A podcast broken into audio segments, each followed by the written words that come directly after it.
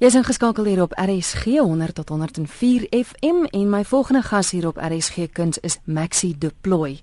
Nou Maxie, jy word die 20ste Desember 82 jaar oud. Eerstens baie geluk. Baie baie dankie, Christel. Dit is 'n groot voorreg. om oor die radio geluk gewees te word. nou die rede waarom ek en jy gesels is om dit in die tydperk. Gister het jy nou die opening gehad vir uitgesoekte gaste en van vandag af is jou werk te sien want ja op 82 het jy 'n uitstalling wat oop is vir die publiek. Maar kom vinnig gou eers jou, jou paadjie wat jy gestap het in die kunswêreld. Jy het 'n twee groot liefdes lees ek in jou CV het jy gehad en dit was gimnastiek en kuns.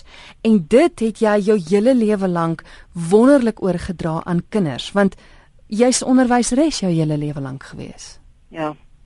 Ek was ja, my hele lewe lank vir wel vir 35 jaar was ek in die onderwys gewees. In um, twee verskillende rigtings, maar die kuns was maar my hoof, my hoofliefde het geweldig baie voetspore getrap in die kunswêreld veral wat opleiding aanbetref. Uh, vertel my gou van die paadjie wat jy gestap het en die ongelooflike invloed wat jy gehad het.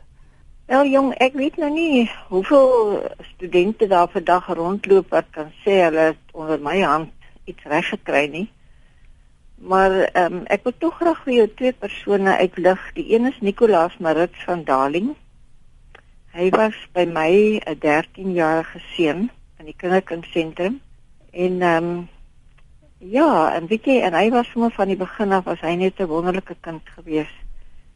En 'n en 'n werklike kunstenaar van kleins af. En dan was daar Adrian Kohler en uh hy was 'n matriekseun of nee, hy was in die hoërskool by my gewees uh, na ure kuns kunsklasse. Mm -hmm. En Adrian is vandag hierdie wonderlike ontwerper van hierdie Warhorse ehm um, Ja. En en en weet jy, dis net fenomenaal. Ehm um, en hy was van kleins af was dit sy belangstelling. So um, ja, ek ek kan so ek kan so 'n bietjie spog met hulle twee. en ek het ook kontak met hulle twee. Goed Maxie, dis nou dis nou dinge waarop jy kan trots wees en ons kan vir baie lank aangaan oor al die dinge waarby jy betrokke was. Maar ek wil graag hê ons moet vanaand fokus op op die uitstalling omdat dit so ongelooflike jy sê nou vir my jy het 'n jaar en 'n half daarin gewerk aan die uitstalling en en dis oop vir die publiek.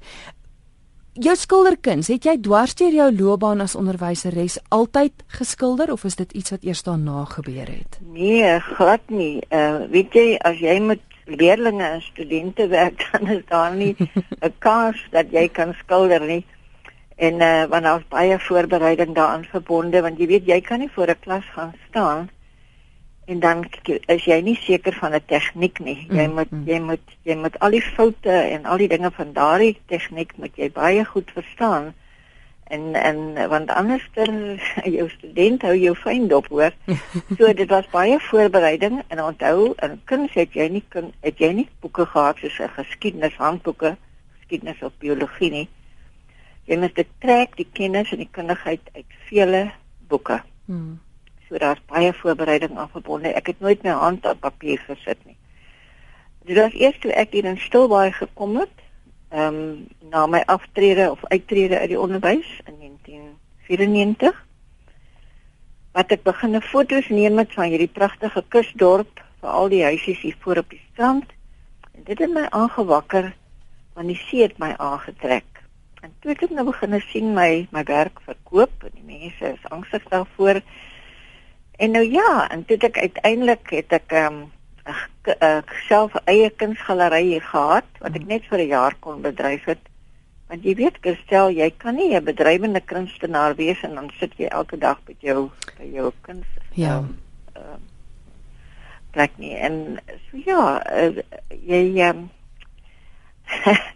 jy jy kom maar huis toe en dan dan jy moeg en dan kan jy nie verder werk nie. Maar ehm um, so jaar en 'n half gelede na my moeder se oorlede, het ek die tyd gehad om te gaan sit en te besin dat ek het nog hierdie wat ek dink 'n talent het wat die Here vir my gegee het en ek moet daaraan werk. En so het ek gaan sit en ek beplan. En ek het begin skilder. En nou ja, ek kan ek kan hierdie volgende 2 weke kan ek 47 werke uitstal. Ja. Uh -huh Want my werk omdat dit baie detailwerk is, vat lank aan een skilderstuk. En ek is baie trots wat ek op hierdie ouderdom teen die mure kan hang en ek is ook dankbaar dat ek vir die publiek kan wys wat ek nog op hierdie ouderdom kan doen. Ja, dit En eintlik wie my groot verwagting vir hierdie hele uitstalling is om mense se reaksies dop te hou. Om te kyk hoe gaan hulle reageer op dit wat hulle teen die mure sien. Want uh, ek glo tog dat my werke praat met mense. Ehm um, ek sal nou daaroor verduidelik. Kan ek net vir jou verduidelik my medium waaraan ek werk? Asseblief ja. Ek werk uitsluitlik in gouache gouache is so 'n ronde naam so 'n misterieuse misterieuse naam. Ehm uh, maar dit is maar net 'n ondeursigtige waterverf medium. Mhm. Mm 'n baie sterk pigment. Hy's baie permanent. Hy kom in buisies. En en sy bindmiddel is om by elke kleur 'n bietjie wit te sit en dan is hy opaque, soos ons in Engels sê, hy's ondeursigtig. Mm. En dit is 'n pragtige medium, is 'n skoon medium. Jy werk net met water en jy ehm um, en ja, hy gee vir jou pragtige kleure. Jy weet baie mense sal opmerk ek sê jou kleure is baie so helder, so mooi. Dit kom so mooi oor. En dit is wat Bosch vir my gee. Ja, ek moet sê ek het want ek sit met van jou werke hier voor my en en die kleure het my dadelik opgeval, maar ook die dinge wat jou inspireer want jy het nou gesê dit het begin met jou omgewing, maar jy's 'n baie sterk ja, religieuse ja, tema. Weet jy, ek hou van 'n variasie. Uh, ek kan nie net met stil stil by se tonele aanhou nie. Ja. ja. Uh, vir myself is dit lekker om om te varieer. Mm.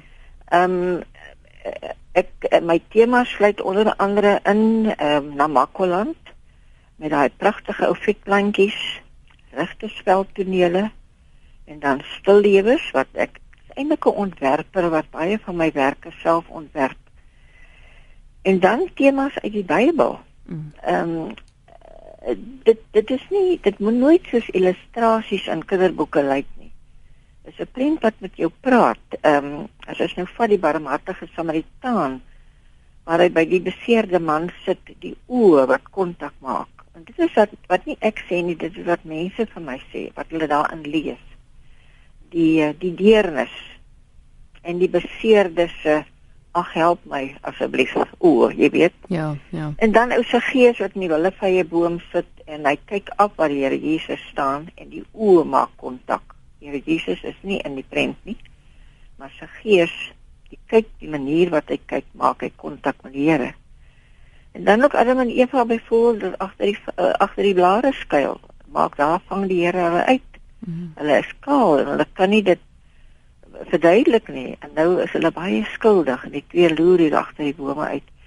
So dit is wat mense raak sien uh, in in in in die Bybel temas, daai kontak met die oë en dan is dit baie gestel op hande en voete.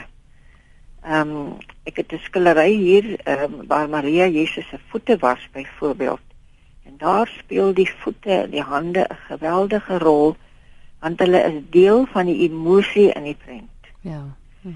En daarom is ek baie baie gestel as ek na ander uh, is uh, op dit ek merk dit op na ander skilderye kyk hoe hoe skilder mense hande en voete. Ehm um, dit moet reg wees dan maar nie die vingers moet nie so spesiaal lyk nie. Jy weet wat gebeur het. Maar in alle geval, ehm um, en dan en dan ehm um, ehm um, my eie skepings. Jy weet die mense hier rond skilder vreeslik graag die vissershuisies, mm. die seilbootjies, groen grasies en blou luggie en wit eentjies en tipe dinge. En ek het dit geneem en ek het ek het drie kleure gevat. Indigo is daai pragtige mooi midnight blue. Mm -hmm en wit en dan kry jy hierdie verskillende gryse van lig tot donker op hierdie indigo en die enigste ander kleur is dat hierdie in die oggend vroeg kom die son net so oor die horison en dan sien jy hierdie oranje lig. Hmm. En uh, en en daar in daai skilderye wat kom by ontwerp sterk uit want ek ontwerp die skuite, ek ontwerp die visse Ek het vier van hulle gemaak en en elkeen is anderster. Ek is mal oor ontwerp. Ek vat 'n gegewe vierkant of 'n reghoek en dan moet ek binne in hom moet ek ontwerp. Ek stel vir myself so 'n uitdaging. Ek dink die grootste uitdaging wat jy aan jouself gestel het, het realiteit geword. Ek het aan die begin gesê dat gisteraand was nou die opening vir uitgesoekte gaste gewees en van vandag af is dit oop vir die publiek. Maar ek sê ek dink ek dink is fantasties om dit op 82 te kan doen. Waar is jou werk te sien? My werk is te sien by 'n privaat huis, ehm um, is langs die hoofweg as jy in Stilbaai inkom oor die brug. Mhm. Mm sit hy so 200 meter aan jou regterkant. Dis al wat ek beskikbaar kon kry wat wat 'n atmosfeer het. Jy weet, 'n mens as 'n skilder, jy is maar 'n bietjie partikulêr waar jy wil uitstaan. En um, en het 'n baie mooi atmosfeer, 'n mooi plek, moderne plek en 'n mooi plek. En dis oop van 10:00 die oggend tot 9:00 die oggend ja. en tot 9:00 die aand en ek gee vir die vakansiegangers want nou wemel stil by hy's nou chock en blok. As hulle wil strand toe gaan of hulle inkopies doen, dan kan nog tot nie aankom